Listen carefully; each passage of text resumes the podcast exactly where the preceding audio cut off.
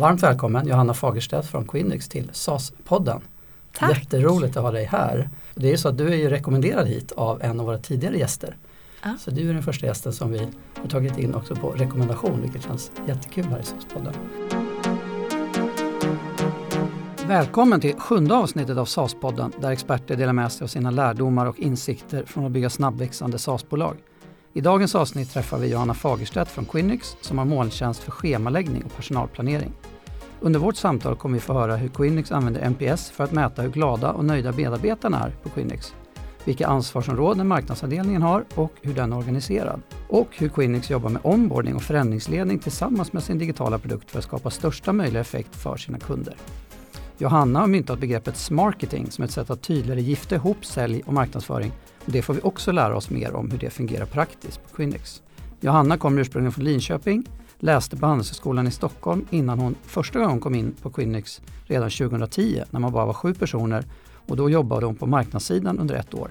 Sen lämnade hon för att vara ett managementkonsult ett par år innan hon 2014 kommer tillbaks till Quinyx för att leda marknadsfunktionen som stod inför att skalas upp ordentligt och inte minst internationellt. Ja, när jag kom tillbaka, det, var andra förutsättningar men det var fortsatt väldigt mycket en startup. Vi var väl 30-35. Så att det var väldigt mycket, jag var ensam på marknad och allt vad det innebar. Vi hade ett CRM-system som inte användes. Eh, vi hade inte så mycket plattformar så det var en del av det som vi började att bygga upp. Dels tog ett riktigt tag kring att knyta ihop sälj och marknad så vi blev riktigt tajta, satte upp gemensamma mål, blev ett team där marknad blev en del av intäktssidan. Vi satte tydliga kopior, tydlig riktning och hade ett tajt samarbete. Och så började vi titta så här, vad behöver vi ha på plats för att kunna mäta att vi gör rätt grejer? För det var väl också den hatten som jag kom in med. Så här. Testa grejer, mäta, utvärdera, tweaka, våga liksom köra på. Men mäta och reflektera för att se till att det går i rätt riktning. Men då, jag måste försöka förstå mer hur, eh, hur teamet såg ut när du kom dit då. Det låter som att, ni, att bolaget hade valt en väg med ganska mycket sälj säljfokusering Ja, så det fanns ett säljteam. Hur många var de när, mm. när du kom in?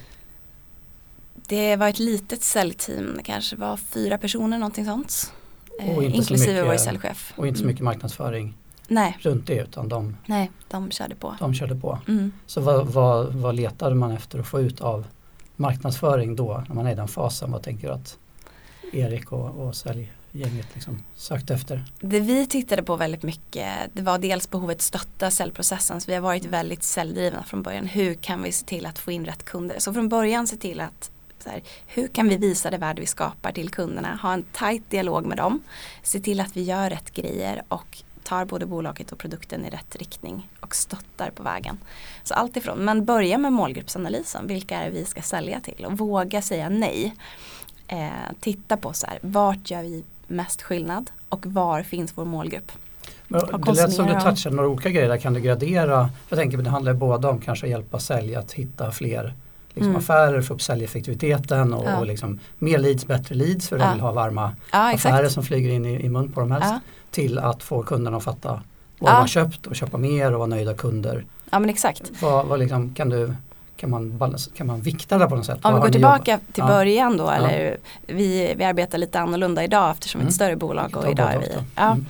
Det vi såg då väldigt tidigt var att sätta upp en tydlig leadprocess och vart, Mm. hur kommer leadsen in, hur, eh, vad är ett lead, hur definierar vi vår målgrupp, vilka vill vi prata med, hur ser vi till att följa upp de här, vem tar hand om dem, hur ser processen ut, vilka kanaler funkar, vilka aktiviteter funkar. Eh, tog fram så här ROI på de bitarna vi gjorde så att vi visste att vi investerade våra marknadspengar på rätt sätt och kunde följa upp dem och ha en, en bra dialog med sälj och se till att ha en sån feedback loop hela tiden att efter, efter varje aktivitet eh, samla teamet, prata om vad gick bra, och vad gick dåligt. Ska vi fortsätta göra det eller ska vi sluta göra det? Mm. Så det var, det var där vi Mm. började eh, när vi var så små. Mm. Och sen tittade på olika sätt. Här, vilka, ty, vilka tydliga aktiviteter ska vi ha, vilka mässor ska finnas. Mm. Det vi gör idag, idag har vi team på, har vi 200 personer på bolaget. Vi har ett Mm. marknadsteam på 10 personer. Mm. Vi har ett stort säljteam och vi har infört ett, ett team som ligger mellan sälj och marknad. Som vi kallar ett BDR-team eller ett Business Development Representative Team. Som jobbar mot våra olika marknader och idag finns vi i, på de skandinaviska marknaderna. I Storbritannien, Tyskland och i Holland och håller på. Nu hoppar vi rakt in på så ja, hur du exakt, jobbar med marknadsföring. exakt. Jag kom på det nu att vi kanske ska, för den som inte då vet och är jättenördig här i SAS Sverige. Vad är Quinix? Kan du inte berätta historien också om hur Quinix kom till? För det är ju en fantastisk eh, rolig tycker jag historia. Ja men hur absolut. Quinix skapades och Eriks bakgrund och så. Ja, Quinix grundades då av Erik Fjällborg som är vår grundare och VD när han var 17 år och gick på gymnasiet i Örebro och jobbade extra på McDonalds där. Där han då blev uppringd av sin chef när liksom medarbetarna inte kom in på McDonalds. Av olika anledningar, kanske var sjuka eller det hänt någonting eller missförstånd i schemat. Så telefonen gick varm när han satt på sina lektioner. Så han tänkte att det måste finnas ett smartare sätt att göra det här på. Så han utvecklade då en lösning där medarbetarna själva kunde se sina arbetspass, byta pass med varandra och där chefen kunde få en överblick över vilka som jobbade och via nätet då kunna få den här överblicken. Eh, så han, eh, McDonalds Örebro blev den första, eh, första bolaget som testade det här och började så här pilota det och eh, såg hur mycket både tid det sparade för chefen som slapp lägga den tiden på administration men också för medarbetarna som fick plötsligt kontroll över sitt, där, sitt arbetsliv och när de skulle jobba och kunde byta pass med varandra. Så man la, la det ansvaret mer på medarbetarna vilket de ju såklart uppskattar. Så därifrån började tjänsten och sen ganska snart så insåg flera franchisetagare att det här var någonting som, som kunde flyga. Och eh, Erik lyckades då sälja in Quinix till eh, alla franchisetagare i, på McDonalds Sverige. Så det kom att kallas då McTime och blev McDonalds stora liksom, schemaläggningssystem. Och eh, efter det så har, eh, så har vi utvecklat produkten. Så idag, Vilket år var det här då som den här McDonalds det utrullningen började, skedde? den första versionen var 2005 så det var då vi började, liksom, eller Erik då som var ensam tog fram den första versionen av Quinix. Men sen har det utvecklats mycket till, eh, idag är det ju en tydlig B2B SaaS-lösning som jobbar med både hotell och restaurang men också mycket med detaljhandel, lagerlogistik och eh, sjukvård. Så att du kan se branscher som har väldigt ett stort behov av att ha koll på sin personal och få den att fungera. Så allt ifrån att se sitt tidsschema, tidrapportera, kan ansöka om frånvaro direkt i mobilen. Så för medarbetarna betyder det en frihet eh, och en överblick över hur man arbetar. Och för huvudkontor och chefer då så kan man få överblick över personalkostnader, koppla ihop, koppla ihop det här med försäljningsstatistik, optimera scheman, säkerställa att arbetstidsregler och kollektivavtal följs bland annat. Finns det några konkurrenter i Sverige? Är ni, är ni hyfsat ensamma på det här? Det finns ett gäng konkurrenter. Mm. Men ofta är de lokala för det är eh, ganska komplext att få till de här arbetstidsreglerna och få allting att funka. Det är väldigt lokalt per marknad och även specifikt för branscher. Så ofta så har vi konkurrenter som då nischade på en bransch i ett land. Medan vi har många branscher och en lösning som kan anpassas utifrån behovet hos de olika bolagen. Och funkar även internationellt. Men är det lite som bokföringssystem att man måste ha att en komponent i liksom lösningen är mycket runt regler och lagar och att, att det är det som ni också har i, Ja, i det ni säljer? Så exakt. Mm. Så du säkerställer att personen jobbar rätt antal timmar, kan schemalägga ut efter det och Mm. de får rätt eh, övertidsersättning. Så du kopplar ihop allt de har jobbat och som går till ett lönesystem och kan, Snyggt. kan matcha det också. Snyggt.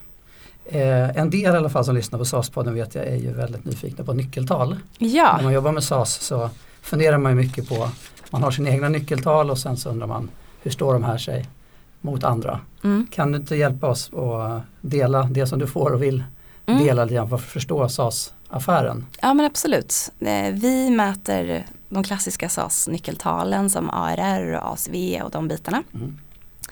Eh, ARR då är ju annual recurring revenue där man tittar på hur mycket återkommande intäkter har man varje år. Det är någonting som är viktigt för oss och det sammanfattar ju vad ska man säga, tillväxten av bolaget. Både nya kunder som kommer in men också hur väl våra kunder stannar. För det är ju det fina med just en SaaS-modell att det är som en snöbollseffekt eh, om man har nöjda kunder.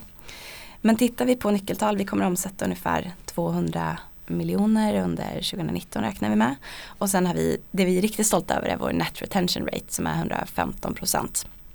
Och net retention rate då kan jag förklara för de som inte är inne på det. Då tittar man på den så här, ingående balansen och sen så lägger man på upsell och drar bort churn. Och det blir ett mått på hur nöjda kunder man har. Och om man tittar på en benchmark så brukar bra bolag ligga på ja, men mellan 105 till 110 procent och under 100 innebär då att man har en högre churn än vad man har en upsell. Så vi är väldigt stolta över 150%. Det betyder att våra kunder är nöjda och vill följa med. Och, Så ni eh, lyckas kompensera med de kunder som ni ändå tappar, lyckas ni kompensera med eh, mer än, så att ni växer så mer med det ni kompenserar? Exakt, ni exakt. Och vi har en väldigt låg churn så att vi tappar inte så mycket kunder. Och vad Eh, driver, vad driver den här upp, uppsälj, mer försäljningsaffären? Så vad kan det handla om? Men det är det fina, det är olika delar. Dels så växer vi tillsammans med våra kunder så när det går bra för våra kunder så ser de också till att få fler licenser för sina medarbetare. Så det är en del av det som är, som är väldigt positiv. Men sen kan de också köpa till olika moduler eller mer funktionalitet i Quinix för att stötta upp och optimera ännu mer. Snyggt. Okej, några Eh, mer nyckeltal? Ja, eh, vi tittar också på CAC payback-perioden Mm. som eh, för oss ligger på ungefär 12 månader. Och jag gjorde lite research inför den här podden och tittade på vad är benchmark då mot andra. Och tittar man på klassiska B2C eller de som går mot mindre bolag så ligger de kanske på 69 månader. Men vi är mer en enterprise SaaS där vår säljprocess är så att vi säljer in ofta till inköpsorganisationer med längre inköpsprocesser. Det är många personer inblandade. Och det är mer klassiskt enterprise-sälj men med en SaaS-affärsmodell bakom. Och då ligger eh, den benchmarken på ungefär 10 till 15 månader och vi ligger på 12 så att det Så det man kan säga ett annat sätt att säga det på är väl att den kostnaden som ni måste ta för att investera i en ny kund mm, den, den är ungefär lika mycket som intäkterna första året. ja exakt. Och sen alla år som kunden stannar efter så är det ju Ja, en härligt hög lönsamhet på den kunden då. exakt. Om man då låg churn så har man ju ett långt fint kassaflöde som kommer från de här kunderna. Då. Ja, precis. Och den kanske viktigaste KPIn som vi tittar på det är Employer NPS. Alltså hur mår våra medarbetare, hur, hur trivs de på jobbet? För den som inte känner vår- till NPS då Ja, NPS är då en ganska enkel fråga där man frågar skulle du rekommendera eh, dina vänner att arbeta på Quinix i det här fallet då? Och svarar du eh, mellan 1 till 6 så ses det som negativt att du inte skulle göra det. Svarar du 7 till 8 så ses det som neutralt så det väger ingenting. Och svarar du 9 till 10 så betyder det att du är ändå aktiv promoter av bolaget och vi ligger på en NPS på 56 vilket är, vi är väldigt stolta över. Och det betyder då översatt att vår, eh, majoriteten av våra medarbetare skulle rekommendera andra att jobba på Quinix och att det är en väldigt bra kultur och stämning. Folk mår bra som jobbar hos oss. Och vårt ledord är så här happy workforce, happy business. Det är hela, det är hela vårt stora why att förbättra arbetslivet för den arbetsmarknad vi finns på och se till att vi möjliggör för då arbetsgivarna eh, att eh, så här, deras medarbetare mår bra. För de branscher vi jobbar mot är väldigt mycket branscher där flexibilitet inte är någonting som är självklart och där arbetsvillkoren kan vara ganska tuffa. Men med hjälp av ett system där medarbetarna blir empowered så kan man verkligen göra skillnad. Och eh, det gäller ju inte minst hos våra egna medarbetare. Vi är väldigt måna om att de mår bra och trivs på jobbet. Så att det är någonting som Det var intressant. Lyfter då använder ni alltså NPS för att mäta internt i Quinnex hur Mm. nöjda. Mäter ni NPS? Eh, för när du sa NPS så tänkte jag Mm. att det mäter, mäter man hur nöjd kunden är med Ja. er lösning. Mäter, mäter ni det också? Inte, vi mäter med inte den klassiska NPSen, vi mäter det på andra sätt. Mm. Den här eh, Net Retention Rate är ett sätt, vi tittar på användande i produkten. Mm. Vi har täta dialoger med våra kunder eh, och de är liksom högst upp på vår lista för prio. Så det är viktigt för oss att, att de mår bra och att vi utvecklar produkten i rätt riktning. Så att eh, inte den, men däremot är NPS någonting, vi är väldigt övertygade om att om vi har glada och nöjda medarbetare som är engagerade på jobbet då kommer det speglas i hela vår affär. Såklart. Eh, Men ska vi gå tillbaks då till var ni står nu med marknadsavdelningen. Det är spännande att Mm. förstå. Nu när ni är lite större, eller mycket större än vad ni var när du kom in. Ja. Hur är ni organiserade nu? Och vi kommer tillbaks lite till det där med att, att marknadsföring kan ju få väldigt mycket eh, förväntningar på sig om Ja. så, olika saker man ska Absolut. så att, ta ansvar för och förbättra i ett SaaS-bolag. Ja. Så nu Idag- berätta lite om hur era- ert uppdrag ser ut. Eh, vårt uppdrag idag det är dels eh, klassisk lead generation, jobbar väldigt mycket med upsell och titta på hur vi kan nå ut till nya kunder. Sen har vi hela brand awareness och PR, att se till att vårt varumärke syns och hörs. Och att vi skapar en, vi har som mål att vi tittar ganska mycket på B2C-bolag, hur de gör. Kan vi skapa en mer känslomässig anknytning till vårt varumärke som jag tror att man inte har tittat på så mycket klassiskt inom just B2B. Eh, så det är två stora delar och sen såklart stötta med produktmarknadsföring, med säljmaterial, se till att vårt budskap kommer ut på rätt sätt. Men sen är det också, vi har en stor digital del med hela inbound marketing där vi bygger, vi ser till att vi finns top of mind när någon letar efter just Quinix. Eller en workforce management system då. Men sen jobbar vi också med outbound marketing vilket innebär att vi aktivt då letar upp personer som vi tror skulle ha nytta av vår produkt och ja, berättar om Quinix eller bjuder in till, till event eller webbinar. Så det är liksom en stor mix i vår marknadsportfölj om vi pratar om uppdraget. Men det vi, det vi använder som nyckeltal då från eh, vårt viktigaste mark- eh, eller nyckeltal för marknadsteamet är pipeline.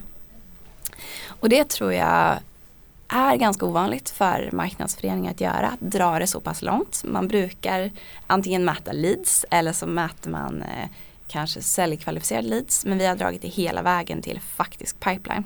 Och den är kvantifierad i affärsvärde eller hur? Ja, okay. i, eh, mm. liksom, mm. kronor. Mm. mm. mm. Så, och det innebär då att vi vill ta ansvar för det hela vägen till att det blir ett, i princip en affärsmöjlighet för sälj.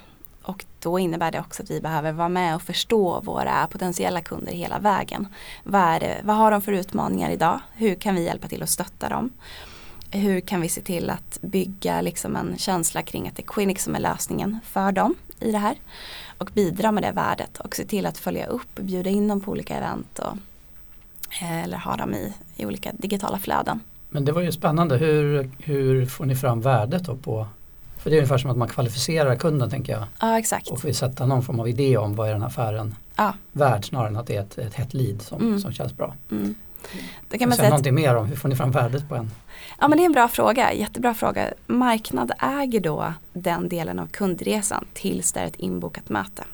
Och det vi gör det är att vi skickar över när vi har ett intresse av en, en prospect som vi kallar det som en potentiell kund. Då skickar vi över dem till vårt VDR-team som då tar kontakt, som gör en kvalificering och tittar på faktorer såsom hur många anställda är de, vilken bransch finns de i, eh, är det en bra matchning mot, mot vår produkt, eh, vilken geografi finns de i, det vill säga vilket land och eh, är de intresserade av att här, träffa någon i vårt säljteam. Och först när det är gjort och vi kan titta på de faktorerna, då lämnas de över till en person i säljteamet som då tar det första eh, faktiska mötet.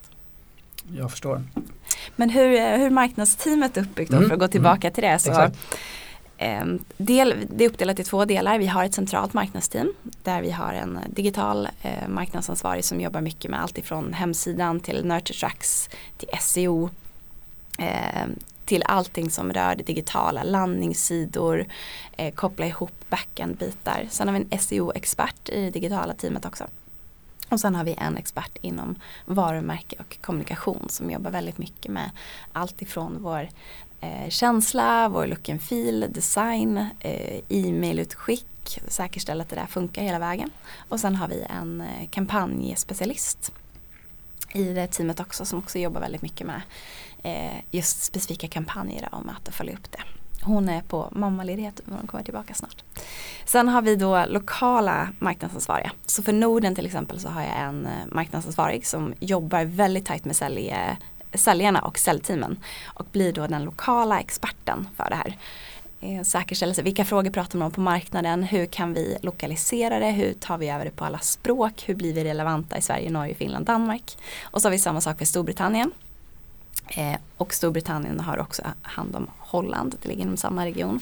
Sen har jag en marknadsansvarig för Tyskland och så tittar vi på fler marknader för tillfället. Så det är spännande.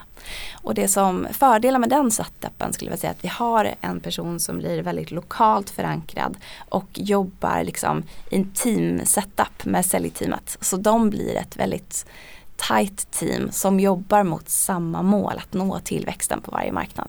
Och just för vår del så har vi en sån Enterprise SaaS-modell.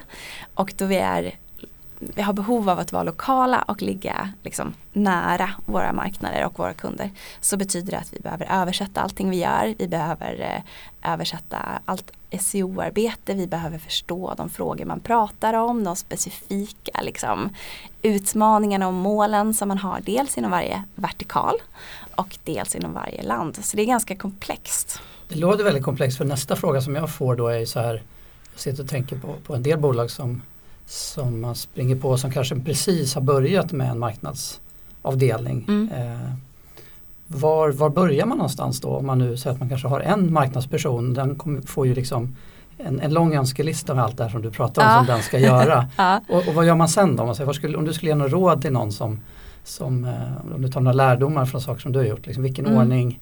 Om man är ett som- litet bolag som om man ska är ett starta litet igång. bolag, Ja. man kanske har en marknadsansvarig som ändå eh, jobbar hos lite men, men den personen jobbar Mm. kanske brett med, med allt ifrån att sätta upp CRM-system och göra och online och web- webinars och tänka kanske på något annat land och sådär. Har du Mm. någon Ja, jag har några vilken sådana ordning här. kan man ta det här eller hur ska man liksom bryta ner det? Men det är väl några sådana råd som jag skulle skicka med. Det Mm. ena är så här, satsa högt och våga. Alltså rö- marknadsföring, marknadsföring idag rör sig i väldigt snack, snabb takt framåt. Mm. Och då är det ut, här, avgörande att våga testa, utmana sig själv, testa nya saker, se vad som funkar på marknaden. Eh, men också faktiskt mäta allting väldigt noga. Så att testa, mäta, följa upp och tweaka. Och sen göra det. Fortsätta göra det som verkligen funkar. Och sluta göra det som inte funkar och inte lägga alla ägg i samma korg. Var lite modig, testa grejer så här, och se vad som funkar. Det är enda sättet skulle jag säga att lära sig för det finns så mycket saker man kan göra. Sen se till att vara en del av intäktssidan. Förstå affären. Vad är det som driver bolaget? Vad är det som driver tillväxten?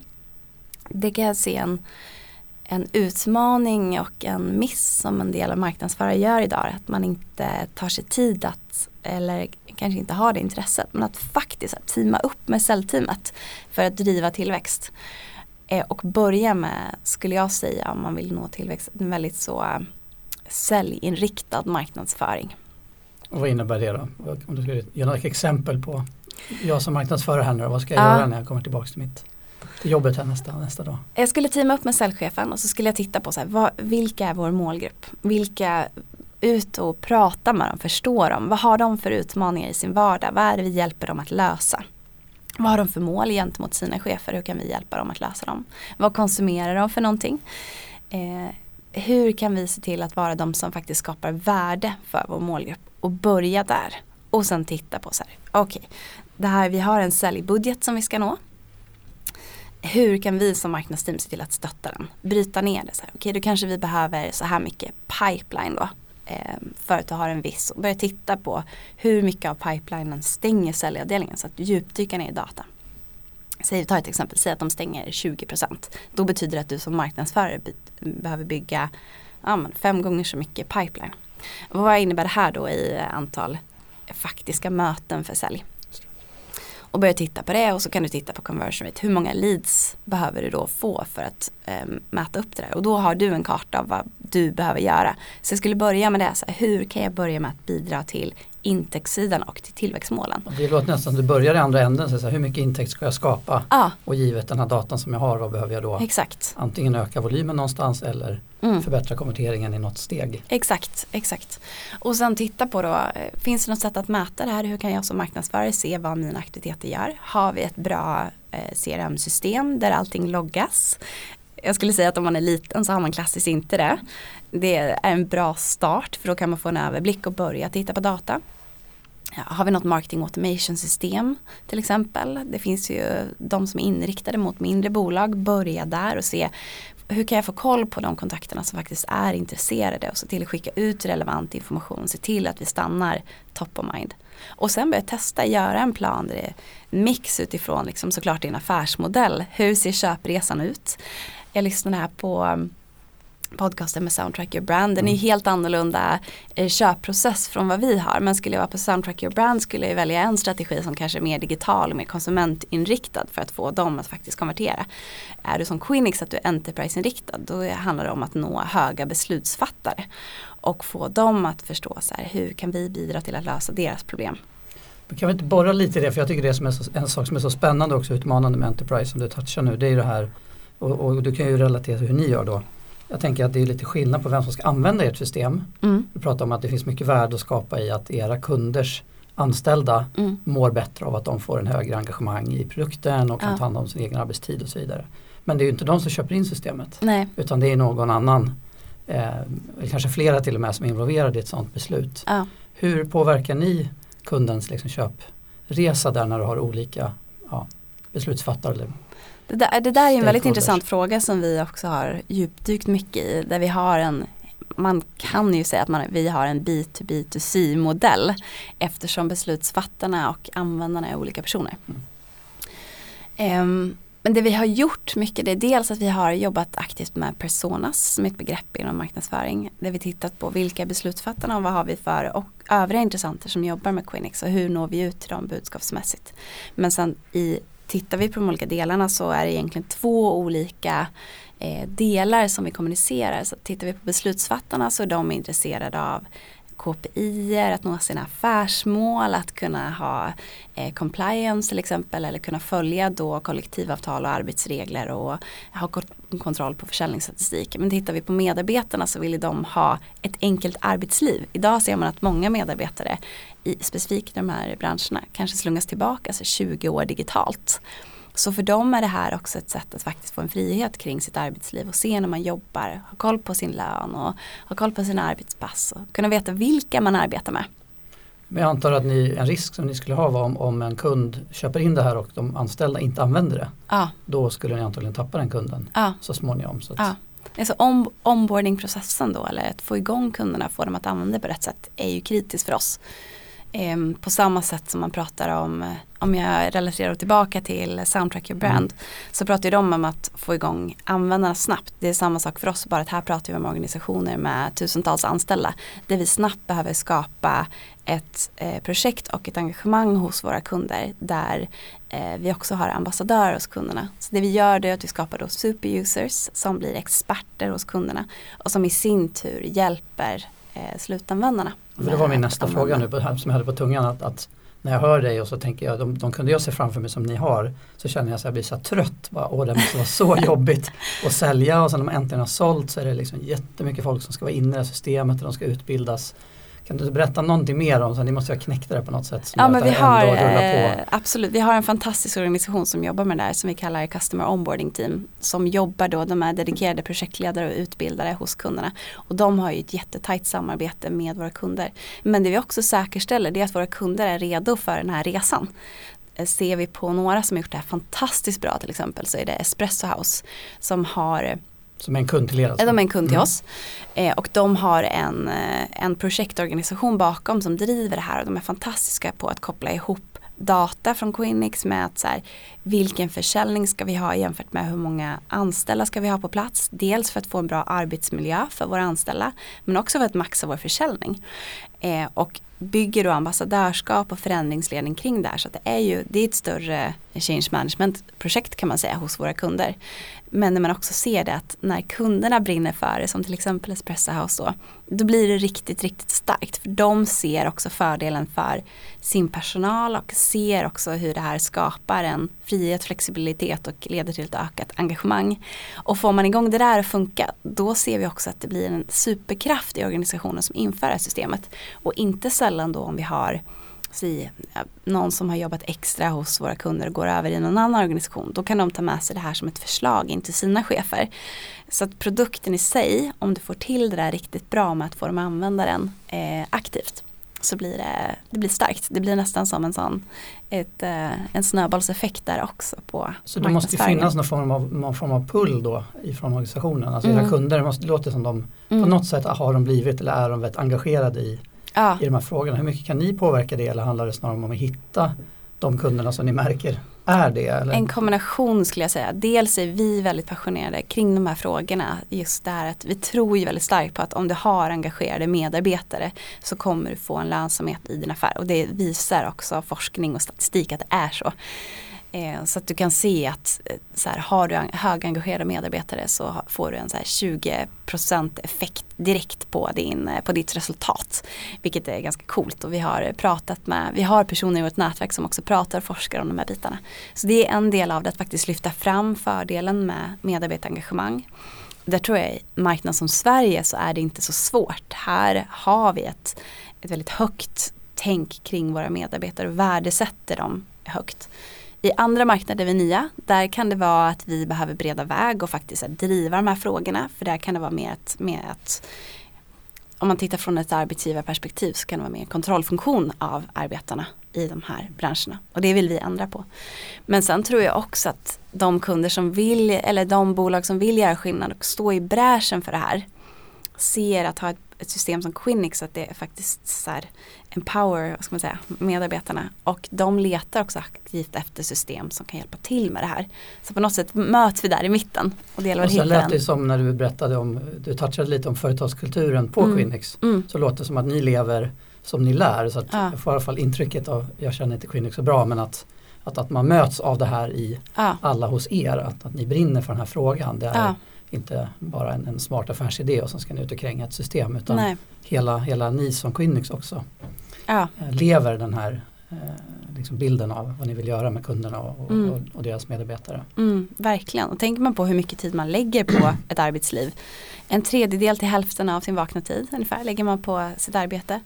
Och det blir eh, runt 90 000 timmar på en livstid. Det är mycket tid. Mycket tid. Och det är så här, då vill man ju att det ska vara en, en man ska ha kul på jobbet och göra någonting som också så skapar värde.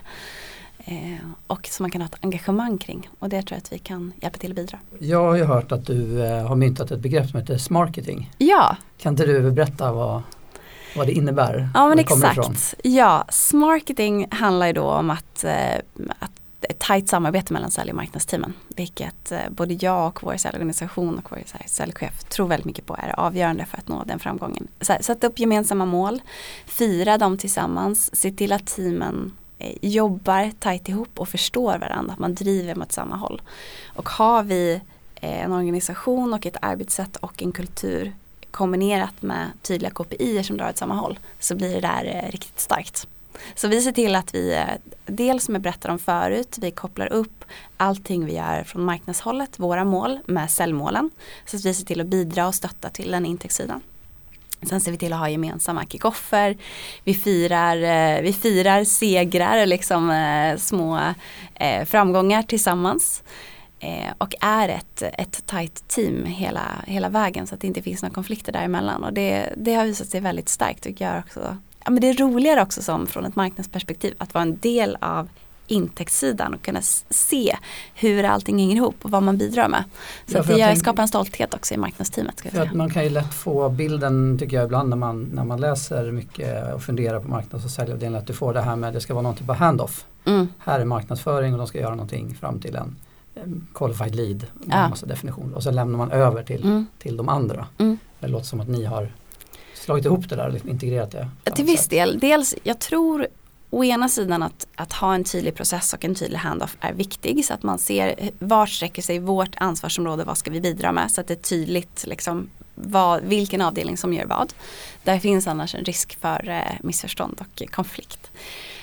Men eh, med det sagt så tror jag att om vi har den där tydligheten tillsammans och vi har koll på de olika delarna då blir det också jättestarkt hela resan. Och som oss är det så här, vi har ett marknadsteam som lämnar över till ett BDR-team som i sin tur lämnar över till ett säljteam. Och det där gör ju att varje del är så viktig i resan för att faktiskt nå den tillväxt vi vill ha. Men sen är det också det är ju sälj och marknadsteamet. Sen har vi ett helt bolag som faktiskt bidrar till att så här, vi har en fantastisk produkt. Den står i centrum för allting vi har. Så att hela vår utvecklingsavdelning är ju avgörande för det vi gör. Vi har hela vårt customer onboarding team, vår kundsupport, customer success team. Vi har sales engineers som hjälper till i säljprocessen. Som också såklart så här, helt avgörande för att det ska bli en bra affär. Och sen alla andra funktioner, alltså HR med rekrytering när man växer i den takt vi gör. Eh, vi, ja, vi har en tillväxttakt på 40-50% som vi har haft historiskt och räknar med att ha det framåt också. Det kräver grymma rekryterare, grym HR-avdelning. Att vi tar in rätt personer, att hela menar, ekonomisidan funkar. Så att varenda person är ju viktig för att få det där att funka och för att få tillväxten att flyga. Och den, eh, den tycker jag att vi har lyckats med bra. Att varje medarbetare känner så här att vi är väldigt tydliga och transparenta med våra mål och eh, med alla våra KPI eh, för att skapa en känsla av att eh, och så här, att få alla att inse att alla kan faktiskt bidra om man gör det där lilla extra för att nå dit vi vill. Jag är lite nyfiken på det här med, med internationalisering. Mm. Det är ju många bolag eh, som står inför det upplever jag. Så det skulle vara kul att höra lite mer. Du ville berätta lite om stegen ni tog ja. när ni gick utanför Sverige. Ja. Eh, och lite grann vilken modell har ni landat i? Kanske lärdomar från olika länder. Ja, gud, och vi har lärt oss eh, otroligt mycket på resan skulle jag säga. Vi började i Sverige, eh, marknaden vi gick till efter det var Norge. Eh, och Danmark. Strax efter det så gick vi in i Storbritannien och sen så kom Finland där kring. Tyskland förra året och nu senast Holland och vi tittar på lite fler marknader för tillfället också. Och sen har vi kunder i, i fler länder än så men där är där vi har våra kontor och våra liksom, baser. Lärdomar därifrån, men det har varit mycket. Vi har börjat med att eh, titta så här, vart går, titta på product market fit och se vart, vart funkar det bra. Eh, till exempel innan vi gick in i Tyskland så hade vi redan ett gäng kunder i Tyskland där vi såg att det funkade. Så det var liksom en sån testfaktor där vi hade personer från andra länder som började sälja lite smått även om vi inte hade någon riktad marknadsstrategi där utan det var sådana som kom in antingen per rekommendation eller hade hittats på nätet eller via vårt partnernätverk. Eh, vi jobbar också väldigt aktivt med eh, liksom ett ekosystem av partners där vi har aktiva sådana partner managers som, som jobbar med försäljning där. Vi både okay, får. Så ni sålde då till exempel till Tyskland ja. lite på chans för Ja. att det sprang, ni sprang på Exakt. affärsmöjligheter där? Ja, och sen Okej. så precis som vi gör med allt annat väldigt tydlig så att testa, utvärdera, hur går det?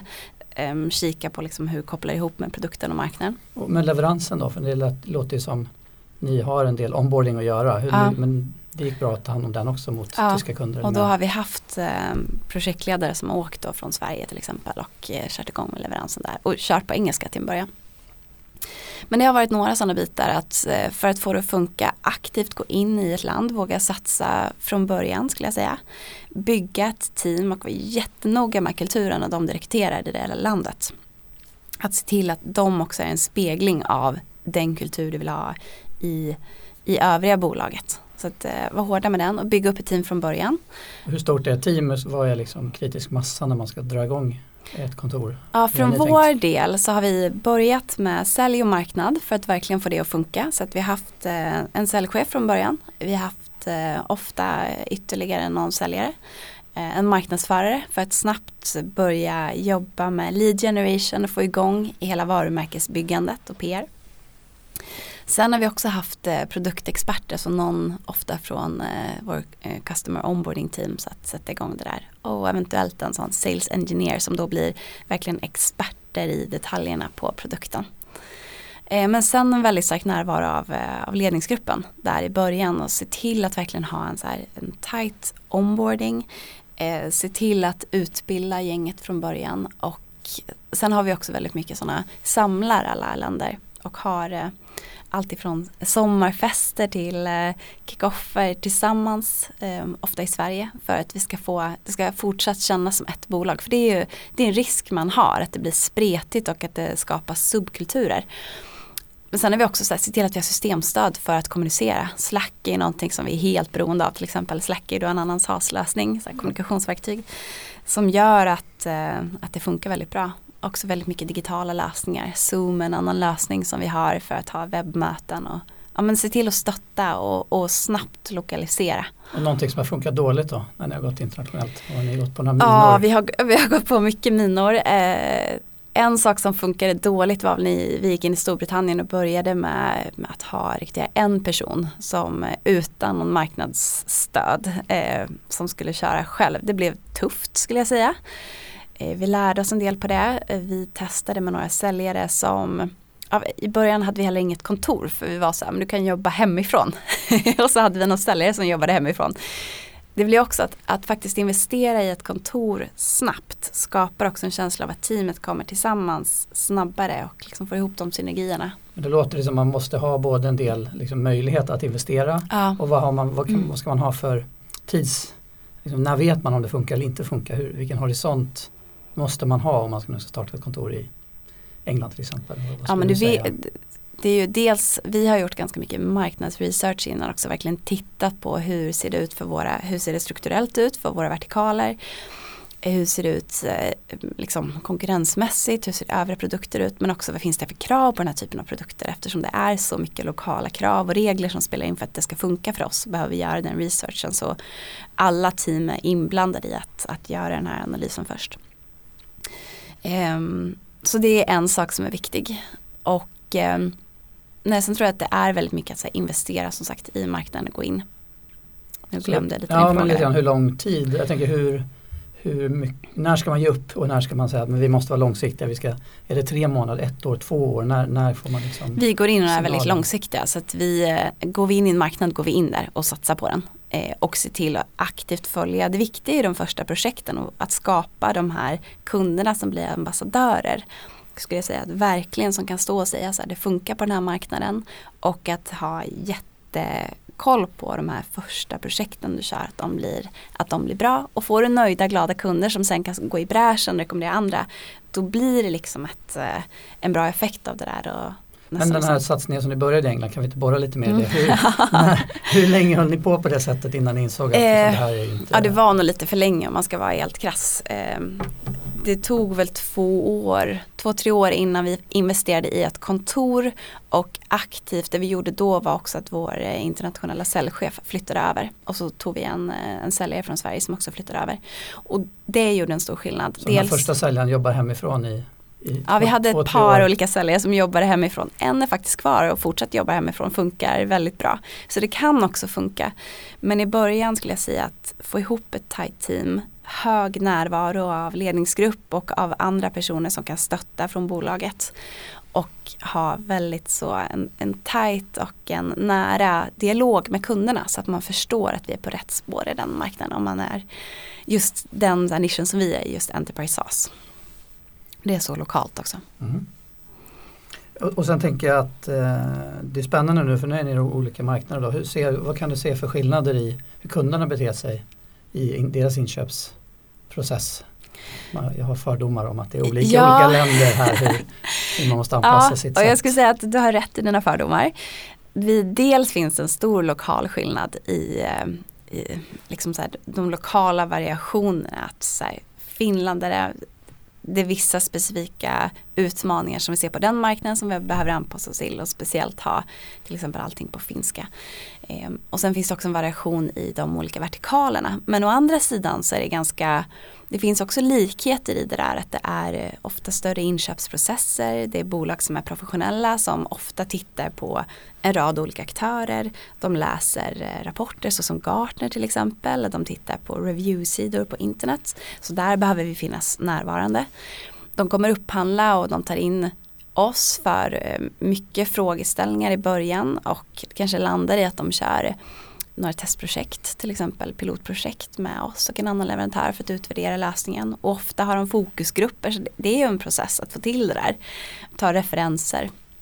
Så det skulle jag säga är den röda tråden via det här där vi behöver ha stöttning och se till att liksom leverera på de punkterna och bygga, det är väldigt mycket så här, du investerar i en lösning där du gör en implementation som påverkar hela organisationen, varenda medarbetare. Så det är också en stor nivå av att de vill veta att det är, de investerar för framtiden i att investera i oss.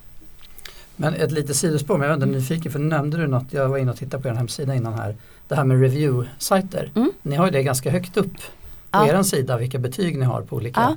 review-sajter. Jag antar att det är ingen slump att ni framhäver det. Kan du berätta någonting om vad ni har sett att det har för effekt liksom på Ja men det tror jag verkligen, ser man idag så är det ju, vi är ju, om man tittar på ett varumärkesperspektiv från marknadsförare så om man tidigare sa att man kan skapa sitt varumärke och äga det så är det inte så längre. Det är kunderna som äger vårt varumärke och äger kundupplevelsen.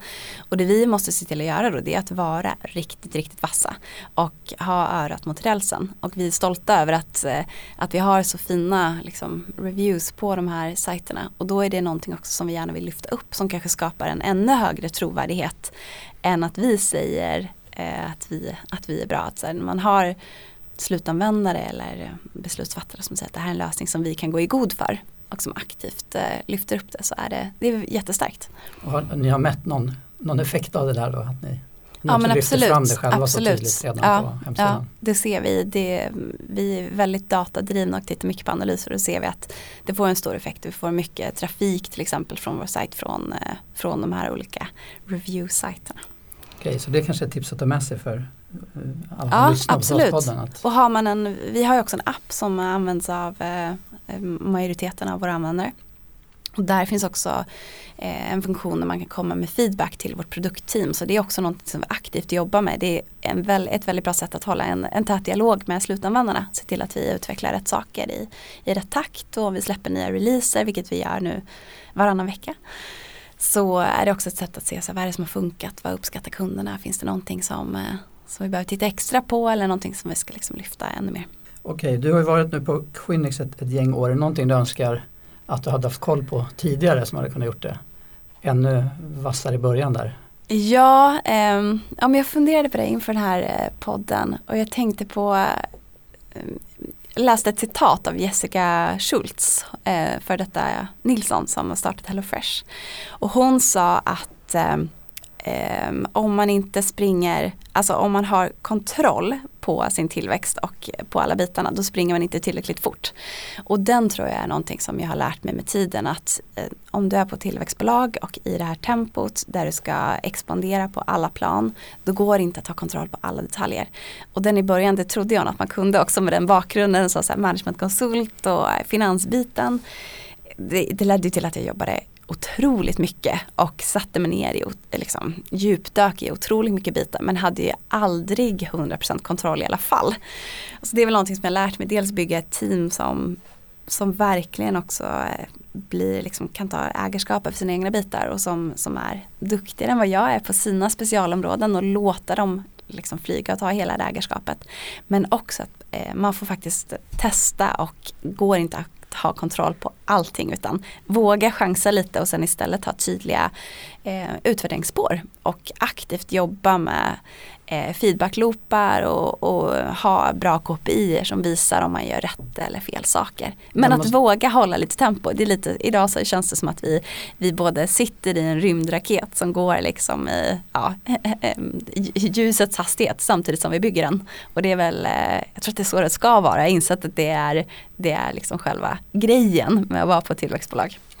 Jag tänker passa på där och göra lite reklam för det finns en annan podd ett annat poddavsnitt med dig mm. där du blir intervjuad kring just hur du har jobbat med att bygga team och med ledarskap och så. Jag tänkte egentligen kan ja. man säkert prata här ja. också en halvtimme om det men Absolut. jag tänker att vi, eh, vi länkar till det ja. i våra show notes så mm. de som är nyfikna på att höra mer kring, kring dig och ditt team och hur ni jobbar med ledarskap och så, så finns det en bra intervju med dig där också. Absolut. Okej, den sista frågan, vi har touchat det lite grann men om det finns någonting med att säga när du tittar på din marketingfunktion, vad, Finns det någon utmaning sådär som du ändå känner är vår största utmaning just nu i Quinix marknadsföring? Nej, men den största utmaningen, jag tror som sagt det är väldigt mycket att våga satsa högt. eh, och sen är det ju att eh, förutsättningarna ändras konstant. Vi är i en digitaliseringsresa som också gör att eh, det som funkade för ett år sedan funkar inte idag längre. Vilket gör att man behöver ligga ett steg längre och våga testa saker konstant och utvärdera. Eh, och inte stanna kvar i saker bara för att när jag, för fem år sedan då när vi kom tillbaka till Quinix, det var e-mail marketing till exempel. Det var ganska nytt och vi jobbade väldigt mycket med nurture tracks, vilket vi fortfarande gör. Men då vet jag att vi kunde göra utskick till stora databaser som kunde, det stod att det var från mig då personligen. Och då, då trodde folk verkligen att det var från mig. Jag fick massor svar mm. personligen. Gud vad kul att du hör av dig. Vi tar gärna ett möte eller vi kommer gärna på det här eventet eller lyssna mer. Men idag så så gör ju alla det. Delitas men är fortfarande, det är fortsatt en hygienfaktor. Vi behöver ha de där så kallade nurture tracksen och se till att vi skickar information. Men det är inte någonting som, eh, som gör att vi genererar mycket möten eller en stor uppmärksamhet idag. Så det där handlar om att liksom ligga tydligt framåt.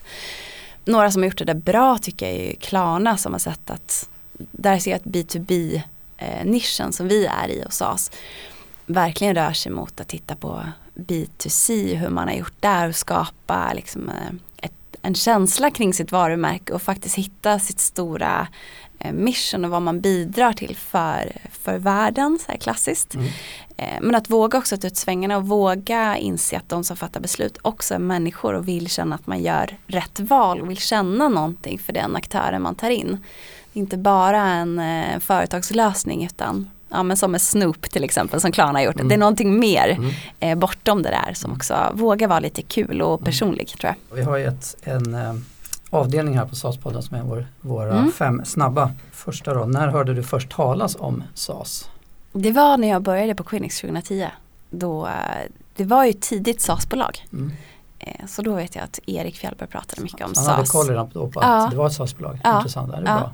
Det var, det var väldigt tidigt skulle jag säga. Jag investerade i några SAS-bolag när jag började på Alminvest 2011 och ja. då tror jag inte att de bolagen själva kallade sig för SAS. Nej. Men de var det, de var cloudbolag Mm. med abonnemang. Mm. Ja, kul, ja men Erik verkar ha varit, han ligger i framkant. Ja, han är, eh, ja, han är väldigt mycket i framkant och en riktigt cool entreprenör. Om man pratar om att växa med bolaget så har ju han gjort den resan att gå från att vara ensam på bolaget till att nu vara ja, men 200 personer, ta in stora investerare. Vi har ju Battery Ventures som är en av de stora tech-investerarna. Eh, bland annat som eh, investerat i Quinix också, Alveno Didriksson och Sobito.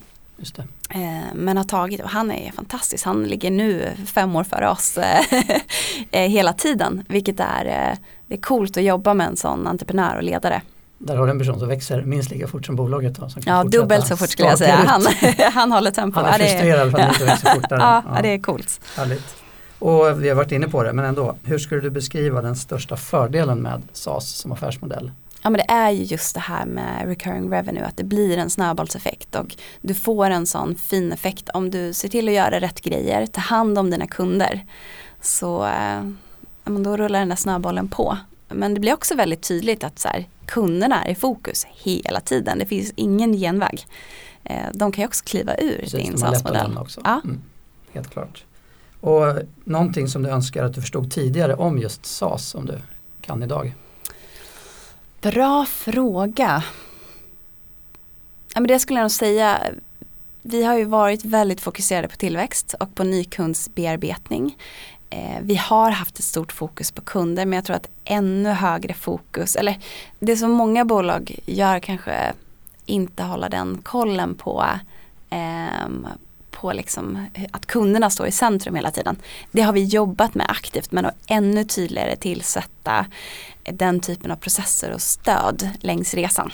För det, kunderna är liksom A och O. Vilka är de bästa SaaS-produkterna som du använder till vardags? Ja, men Slack som jag var inne på innan, det är ju eh, det är så här fantastiskt verktyg som vi inte kan leva efter och gör också att vi kan hålla ihop hela vår internationalisering. Eh, men sen ljudbokslösningar som Nextory eller Storytel. Det har ju ökat mitt, eh, min litterära konsumtion något enormt. Och vem skulle du önska få lyssna på här i SAS-podden?